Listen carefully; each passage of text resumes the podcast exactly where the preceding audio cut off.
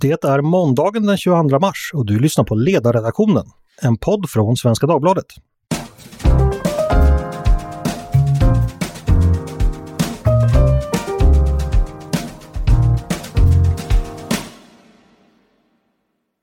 Hej och varmt välkomna! Jag heter Andreas Eriksson och jag sitter här idag med Ivar Arpi som fram till för några timmar sedan var chefredaktör på tidningen Bulletin. Välkommen Ivar!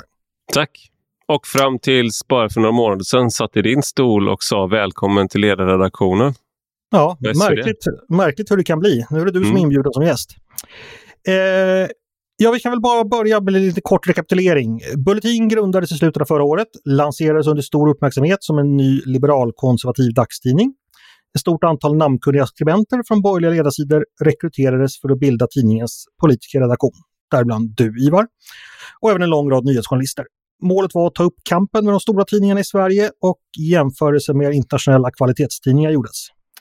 Ganska snart dök det upp moln på himlen. Eh, den första chefredaktören Paulina Neuding slutade och du Ivar tog över. Eh, och det har visat sig nu då att mellan ägare och redaktion har det funnits olika åsikter om tidningens linje och hur man arbetar på en tidning. Och idag Ivar har du berättat att du slutar i ett gemensamt brev med några andra kollegor eh, där du skriver bland annat det går inte att vara chefredaktör under dessa förhållanden. Situationen är ohållbar. Eh, så min första fråga är helt enkelt, varför bestämde du dig för att hoppa av? Ja, jag vill bara lägga till där att jag rekryteras inte som en del av den politiska redaktionen. Jag har den bakgrunden, men jag skulle göra poddar eh, och jag skulle skriva krönikor och kanske reportage. Så det var en anledning till att jag hoppade på också, att få göra mer av det jag tyckte var roligt att göra på svenskan och sen utveckla mitt skrivande. Eh, men helt klart tror att tonvikten låg på opinionsbildare från början.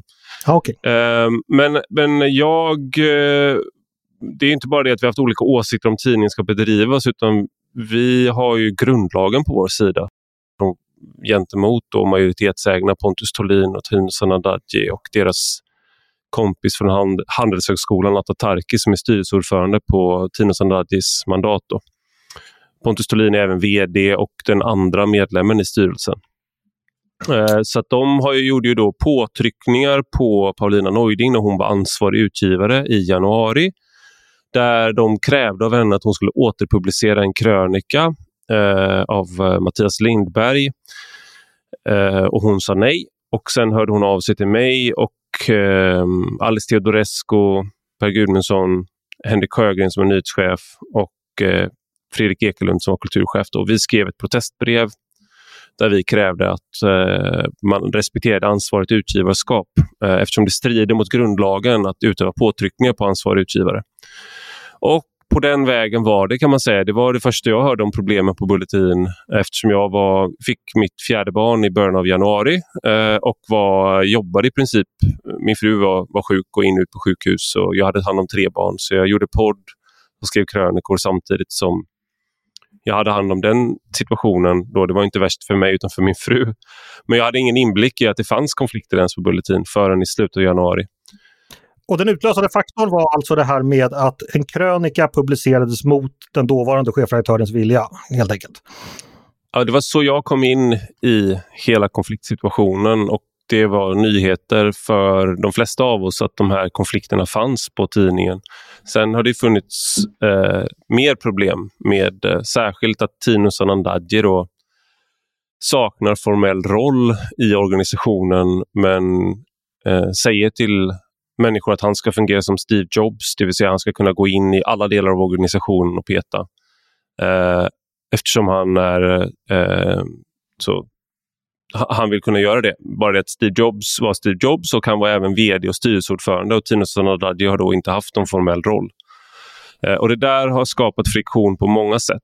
Eh, sen har det fortsatt att ske märkligheter eh, över tid och i synnerhet hade det att göra som det, när det eskalerade extra mycket var ju i samband med att Tino Sanandaji skrev då ett Facebookinlägg den 25 februari tror jag det var Eh, Eh, där han hängde ut enskilda medarbetare som ansvariga för eh, plagiat eh, och eh, sen har han fortsatt på den vägen och kritiserar delar av redaktionen, hela nyhetsredaktionen. Han har eh, skrivit förminskande om mig och Alice Teodorescu i offentliga sammanhang och gått ut. Jag har fått då blivit uppringd av eh, människor jag känner som har sagt att nu har Tino Sonandaji just erbjudit mig ditt jobb bara så du vet. Jag tackade nej.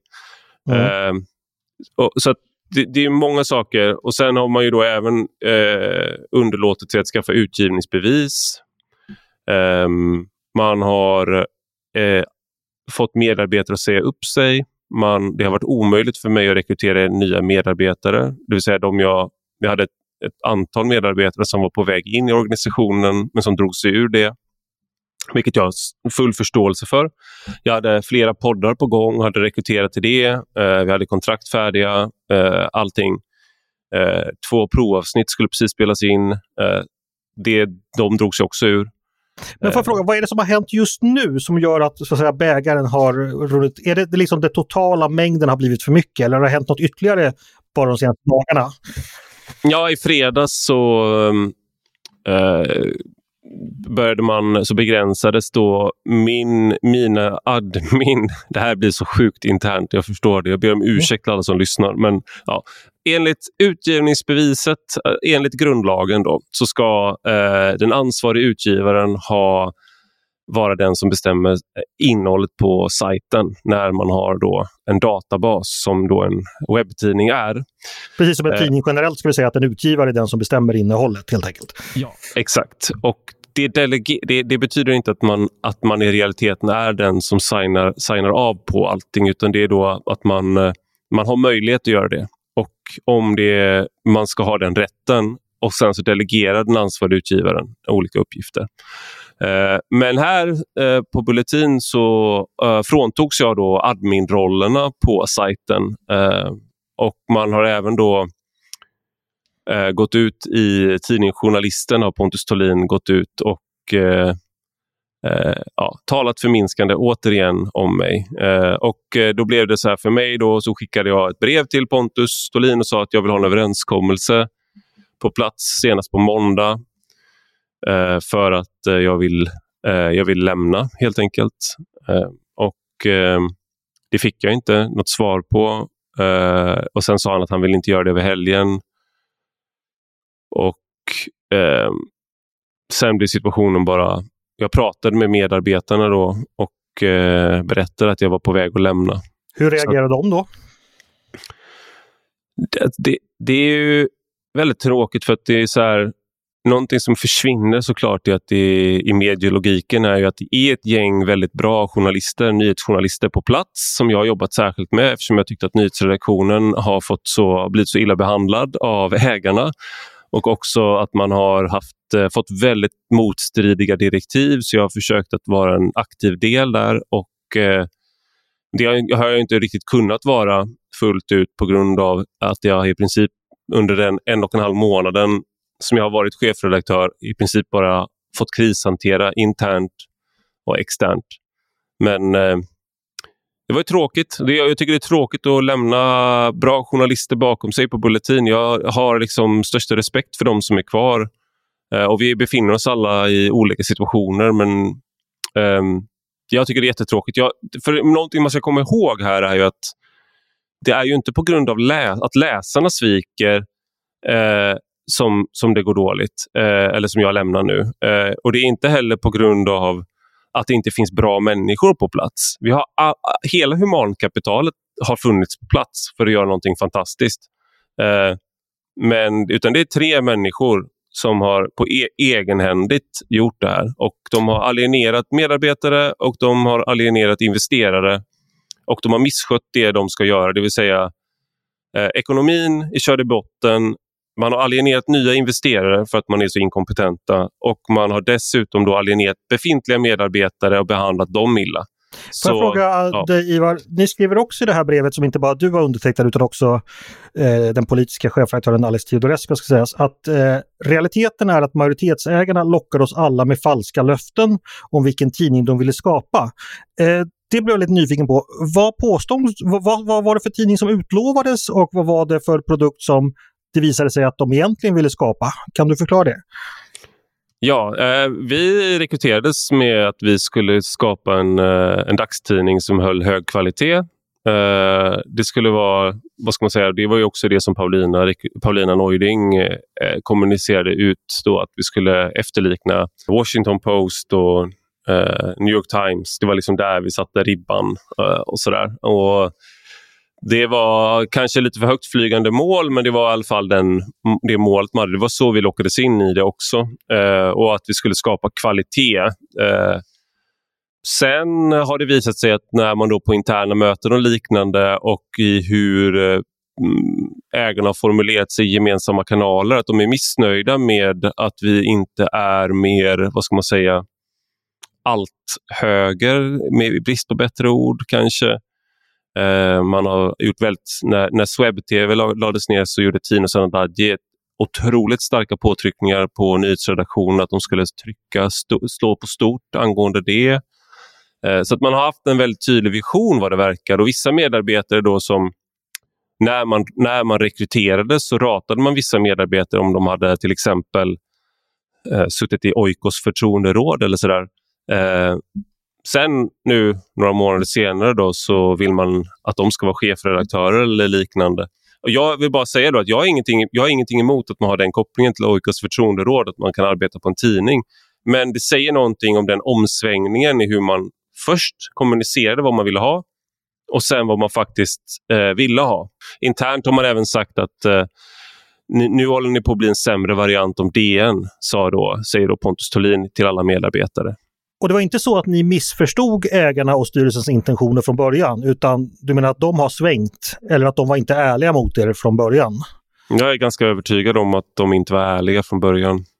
Och att det kan ha att göra med en eh, det kan också ha att göra med en ren inkompetens, det vill säga att man inte fattar hur man gör journalistik eh, och att man tror att om du anställer nyhetsjournalister för att skriva nyheter så kommer det, autom så kommer det liksom bli på ett visst sätt. Eh, och så, så det, kan vara, det kan vara så eh, att, det var, att de, deras brist på, totala brist på erfarenhet inom publicistik som ledde till, eh, till det här också. Eh, att de då blev besvikna på vad de såg. Och du hade alltså inte, när du rekryterades, och du, jag antar att du tänkte dig för ganska noggrant när du lämnade en fast tjänst på en av Sveriges äldsta och mest respekterade tidningar. Oj, du, du som du inget... av en slump arbetar på, på denna respekterade arbetsplats. Precis. Eh, nej men alltså du hade aldrig någon känsla för att eh, det här skulle kunna gå fel, alltså att det här skulle dyka upp Eh, jag kan förstå att det kan kännas svårt för dig att prata om, men, men det dök inte upp några varningssignaler, klockor som ringde, att, utan det kom som helt som en överraskning helt enkelt. Eh, har du hört uttrycket friskt vågat hälften vunnet? Det stämmer inte alltid. Den andra hälften pratar man inte alltid om. Nej. Eh, nej. Så att det, det, är klart att man tänker att det här är en, eh, ett risk, eh, att det är en risk att gå in i något sånt här. Jag har ja. alltid då gått Eh, från liksom satsat på trygghet, eller ofta i alla fall. Jag har varit eh, jag har sällan hoppat på sådana här saker, men jag, jag tyckte eh, ihop med många andra då, nu har ju Thomas Skyr och Paulina Neuding då som var de var ju garanterna då för oss som eh, gick in i det här att vi skulle kunna gå in i det helt enkelt för att vi inte litade fullt ut på Tino Sanandaji till exempel. Men mm. Paulina Neuding litade vi på och Thomas Skyr litade vi på. Eh, men när jag kom in som chefredaktör då var ju Pauline Neuding då ut ur bilden eh, eftersom det var henne jag fick ta över ifrån. Och Thomas Gyr var inte heller lika aktiv och sen nu, han har ju lämnat för några dagar sedan också. Så man kan beskriva det som ett pyramidspel av tillit. Mm. Där man kollar på varandra och bara, är du med här? Är du med här? Ja, men om du är med här och du är med här och jag är med här, då måste det betyda att det här kommer funka. Uh, och i, i, många fall så tror jag att det där faktiskt stämmer. Uh, jag tror att vi har, har att göra med en, eh, någonting unikt här. Det vill säga unikt i många avseenden. Det är unikt att så många inom högen lämnar eh, fasta anställningar och det är unikt att starta en dagstidning under, eh, under, under en pandemi där man inte kan träffas. Allt arbete sköts på distans. Eh, det är unikt att rekrytera så här många människor på så kort tid eh, och att alla är så entusiastiska. Och Det är också unikt att de som sätter igång projektet eh, är så eh, unikt inkompetenta på det de ska göra. Det vill säga, de skulle leverera en fungerande sajt, en fungerande betallösning. Inget av det kunde de leverera på. De skulle också hålla sig väl med investerare. Det har de också misslyckats med, totalt alienerat investerarna. Eh, och nu står då eh, vi, men Bulletin nära konkursens brant och allt det här är då den här trojkans förtjänst. Men, men det är klart att man så här, i eftertankens kranka blekhet så förstår man ju att, mm, att man borde ha sett varningssignalerna och, eh, i vissa beteenden och, och, och sådär. Men eh, ärligt talat så tror jag att eh, eh, jag skulle eh, i hundra fall av hundra skulle jag göra om samma val en gång till med det jag visste då. För att eh, man kan inte gå runt eh, man kan inte gå runt och liksom vara var, var rädd hela tiden. Man måste också se möjligheter och eh, med det så kommer att man ibland misslyckas.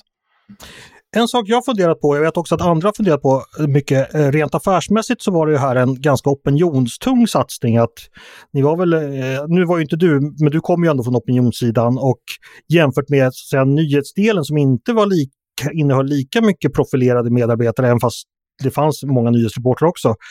Var det fel tänkt att försöka göra någonting, att det liksom blev en superstar-dreamteam dream team av borgerliga ledarskribenter, men inte tillräckligt stark och stå, kunna stå på det andra benet. Ni, ni talar ju om news of views, att views fanns på plats men news aldrig riktigt kom loss. Hur stor, eh, fanns det ett sådant problem helt enkelt?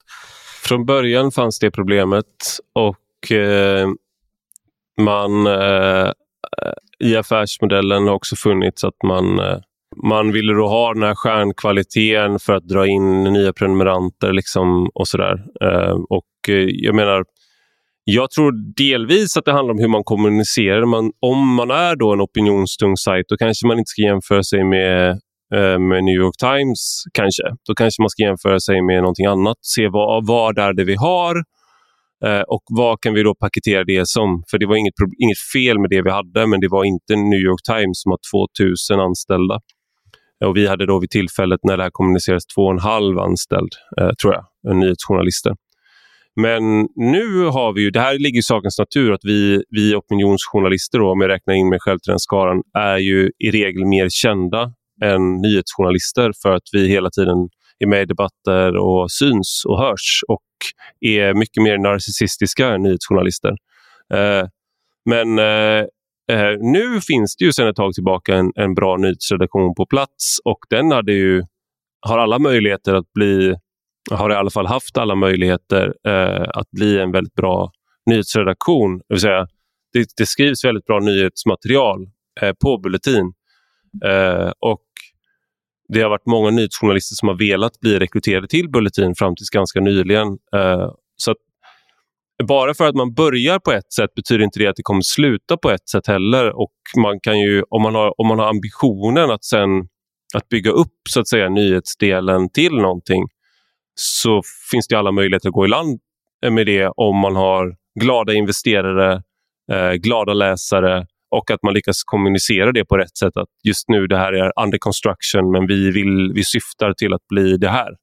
Eh, och Det där hann ju jag aldrig riktigt göra då. Det där var någonting jag jobbade väldigt mycket med. Eh, men jag hann aldrig göra det innan det tog slut. Jag lyssnade precis på dig och Pontus Tolin när ni var med i Studio 1 nu, bara någon timme sedan. Och det lät väldigt hetskt, eh, den diskussionen. Ni lät som bittra fiender och anklagade varandra för, för lögn. Och du, du låter ju också ganska hetskt när du pratar om de här människorna. Hur, hur, mycket, personligt, hur mycket personligt fiendeskap har, har det skapats här? Hur, hur, hur arga är ni på varandra? Eh, ja, jag tror det är någonting som går miste i den här. Eh, jag känner mig inte särskilt hetsk. Eh, men jag har lärt känna de här människorna och det var så jag kom in i det. Och eh, fram tills ett stormöte den 4 mars så hade de stort förtroende för mig och vi hade en daglig kommunikation med varandra och jag har pratat tätt med, eh, med dem om att utveckla organisationen. Vi har haft olika uppfattningar men jag har försökt att framföra de här ståndpunkterna som sen har kommit till uttryck i i brev till styrelsen. Uh, jag har framfört allt det där internt ensam med dem. Uh, haft långa samtal, tim, timtals. Liksom. Uh, så, det, så det får man nog ha med sig att vi har ju liksom inte blivit... Ja, det här är inte människor ehm, som jag från början haft ett personligt agg mot. Tvärtom. Ehm, Tino har jag känt tio år vid det här laget. Eh, Pontus Thulin är en ny bekantskap men honom fick ett väldigt positivt intryck till att börja med, även av Atatarki. Eh, så att jag, jag, jag skulle nog kunna hävda att eh, det jag säger har jag ju... Eh, det, nu har det här ju omskrivits otroligt mycket i media. Så den som vill se vad som är sant och falskt kan väl läsa rapporteringen och bilda sig en egen uppfattning. Eh, så jag tror att det mesta finns där ute redan, så att säga. Men för mig har det här handlat... Det som var droppen för mig var egentligen när eh, när man börjar hänga ut medarbetare, när man behandlar dem som, eh, som förbrukningsvaror eh, och ser sig själv när man tror att man är ägare av människor, inte av ett företag. Och att man, att man inte förstår skillnaden. Eh, och Det där har retat gallfeber på mig och inte för att låta som en inte för att låta som en så kallad godhetsknarkare, men det är en människosyn jag inte kan ställa upp bakom. Och Det där har, det där har varit eh, det där har jag haft väldigt svårt att sen eh, förlåta helt enkelt. Och jag har inte kunnat eh, eh upp, uppmana någon tillit till dem efter det. Du låter personligen ganska berörd. Är du det? Det vore väl konstigt att försöka förneka när jag har, jag har vikt mitt, de senaste två månaderna av mitt liv har jag i princip jobbat mellan åtta på morgonen och elva på kvällen eller ett på natten ungefär. Eh, och har knappt träffat mina barn för att jag öst in energin i det här. Eh, så det är klart att jag är personligen berörd. Eh, och det är just idag som, som jag har sagt upp mig. Men jag tror att det är viktiga, att det är viktiga principer det här handlar om. Och eh, hade jag inte trott det, hade det bara varit personligt, då hade jag nog sagt upp mig för ganska länge sedan. Den, jag har tyckt att det varit viktigt att stå upp för redaktionen. Jag har tyckt att det varit viktigt att stå upp för medarbetarna eh, och eh, det har jag gjort och det har jag gjort internt och det har jag eh, till slut fått inse att jag kommer inte vinna den kampen mot de som äger tidningen. Vad har du lärt dig av det här? Eller har du lärt dig något? Ja, jag har lärt mig massor. Jag, som sagt, jag ångrar inte att jag, att jag gick in i det här. Eh, jag har lärt mig jättemycket och jag har fått lärt känna massa människor eh, som jag inte kände innan, som jag har stor respekt för. Eh, särskilt kanske på nyhetsredaktionen då, eftersom det är de jag jobbat tätast med. Eh, så jag har lärt mig väldigt mycket av dem, av dem på nyhetsredaktionen. Eh, jag har lärt mig, eh, fått se andra sidor av redaktionellt arbete. Eh, sen kan man också se om man ska vara lite, eh, lite frän eller bitsk så kan man ju se det som att man lär sig någonting av eh, de misstag som har begåtts här på Bulletin till eh, nästa gång man försöker något liknande. Jag, jag, snarare blir avskräckt så skulle jag säga att jag fått blodad tand i att starta nytt också. Ehm, så, så jag, har lärt, jag har lärt mig väldigt mycket av det här. Du säger att du, du hundra gånger av hundra hade gått in i projektet igen ifall du hade fått åka tillbaka i tiden. Men finns det någonting du under resans gång skulle ha velat göra annorlunda, som du ångrar nu? Uh, ja, det finns det väl. Det, det, är svårt att svara på, men det eh, kanske att jag hade varit eh, tydligare mot eh, eh, Tino eh, att han inte skulle vara med på det där mötet den 4 mars då, som sen har, har läckts ut till media. Tanken där var ju att människor, eftersom människor höll på att säga upp sig, människor hade mycket kritik mot hans inlägg på Facebook eh, och jag hade avslutat en provanställning på en medarbetare. Eh, så var ju tanken att de skulle få ställa frågor till mig som då chefredaktör om vad det var som hände på tidningen. Men eftersom Tino bestämde sig för att dyka upp oinbjuden på ett redaktionellt möte där så blev det en offentlig konfrontation. Eh, så kanske att, eh, att saker och ting hade spelats ut på ett annat sätt om, eh, om han inte dök upp på det där mötet. Liksom. Men jag vet inte hur mycket det är på... Det är så butterfly effect. Vad, vad hade man kunnat göra annorlunda? Hade man kunnat säga det där på ett annorlunda sätt? och liknande. Jag, och det finns säkert människor i den här historien som tycker att jag borde ha agerat på ett annorlunda sätt. och det, de har säkert det kan säkert finnas alternativa verkligheter där något annat har hänt. Eh, men just, just i den här historien så känner jag att jag har agerat i enlighet med mitt samvete och jag har gjort det i samråd med ett stort antal andra människor. Jag har inte agerat solo utan jag har agerat ihop med andra. Tror du att den här historien med Bulletin, i alla fall det vi har sett hittills, påverkar framtiden för liberal konservativ opinionsbildning generellt i Sverige?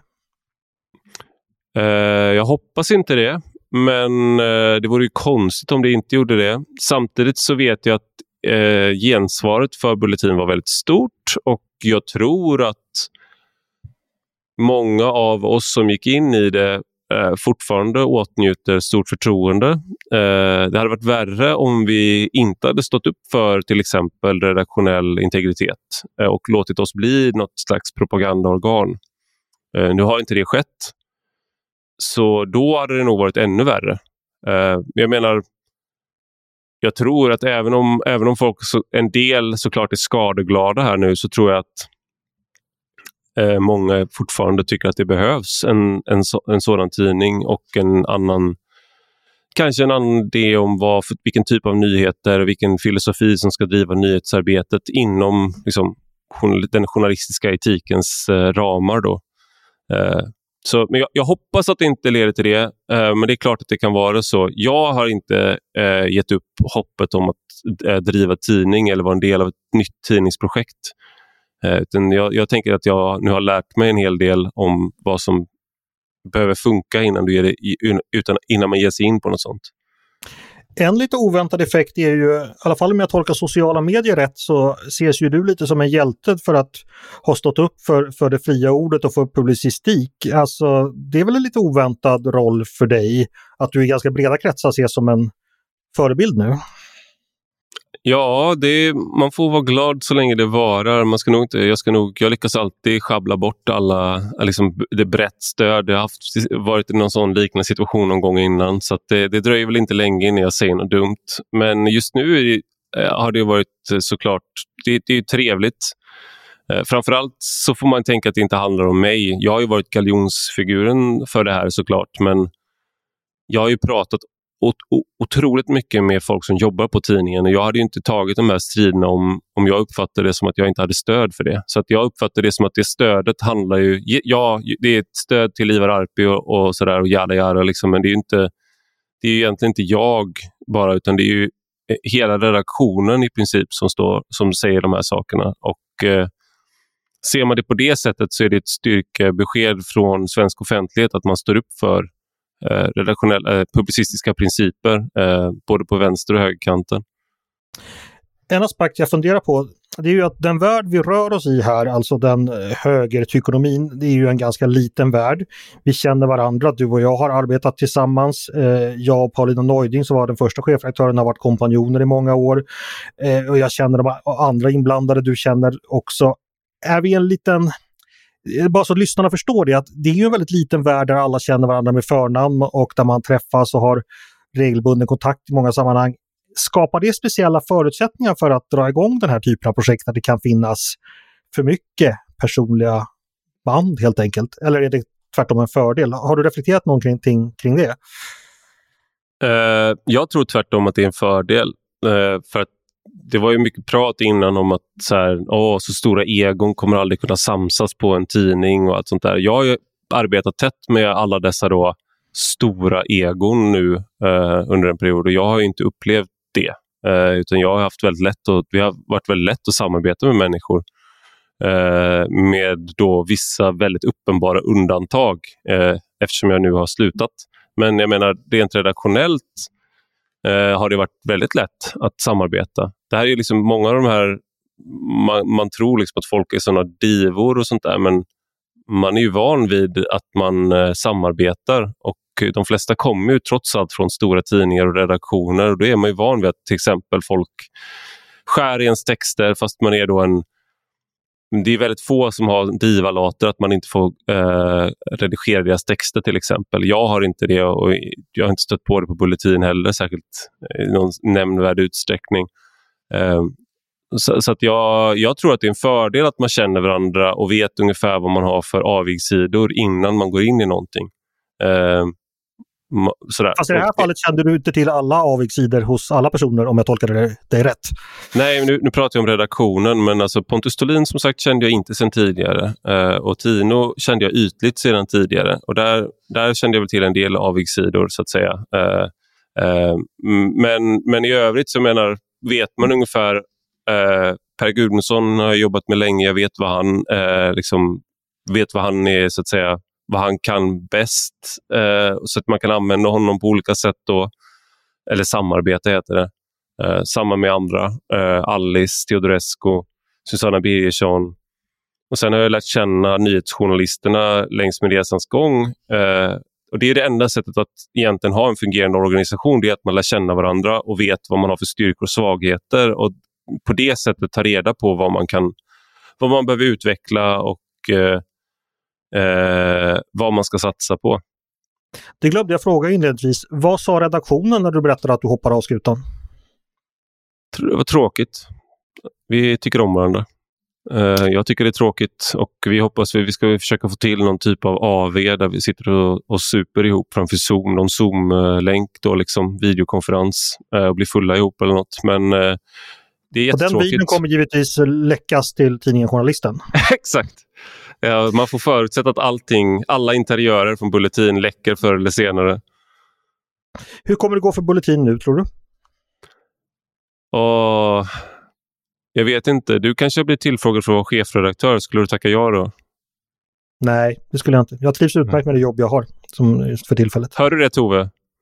Uh, nej, men uh, jag, jag, vet faktiskt inte hur det kommer gå med, uh, med Bulletin. Jag, på ett sätt så, så hoppas jag väl att det här avhoppet då har en inverkan eftersom ord, argument, brev, kollektiva handlingar, liksom all typ från liksom, alltså investerare all form av påverkan har varit lönlös. Eh, så det här kanske, om någonting funkar så kanske det här, det här kanske når fram och då kanske de får på plats det som behöv, behöver eh, komma på plats som vi har kämpat för nu då i flera månader.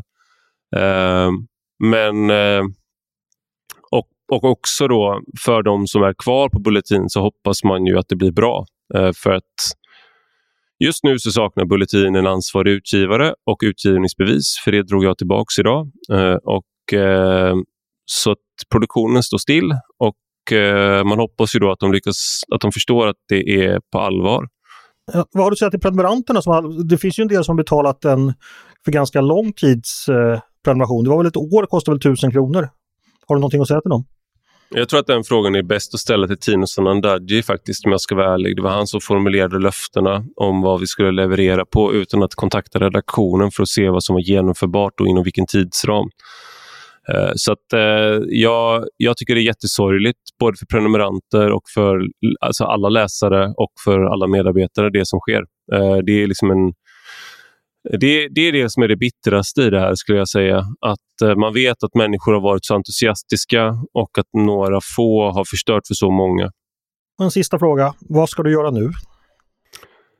Ja, eftersom jag är nybliven fyrabarnspappa så kanske jag ska ta ut lite föräldraledighet som jag inte har gjort än. Eh, och så. Sen får vi väl se vad folk eh, om det är någon som kommer med något trevligt erbjudande om jobb. Men eh, jag är arbetssökande. Så om det är någon arbetsgivare som hör det här så kan ni höra av er.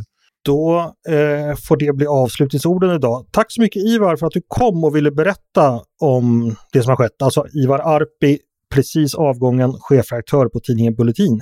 Tack så mycket Ivar! Tack! Du har lyssnat på Ledarredaktionen som är en podd från Svenska Dagbladet. Ni är varmt välkomna att höra av er till redaktionen med tankar och synpunkter på det vi precis har diskuterat. Eller om ni har idéer och förslag på saker vi borde ta upp i framtiden. Då är det bara mejla ledarsidan snabel svd.se. Innan vi tackar för idag ska jag också passa på att göra lite eh, tips om vår grannpodd på Svenska Dagbladet som heter Dagens Story. Då man på en kvart varje dag får en fördjupning och ett aktuellt ämne. Med det återstår bara att tacka för idag. Producent har varit Jesper Sandström. Själv heter jag Andreas Eriksson. Jag hoppas att vi hörs igen snart. Hej då!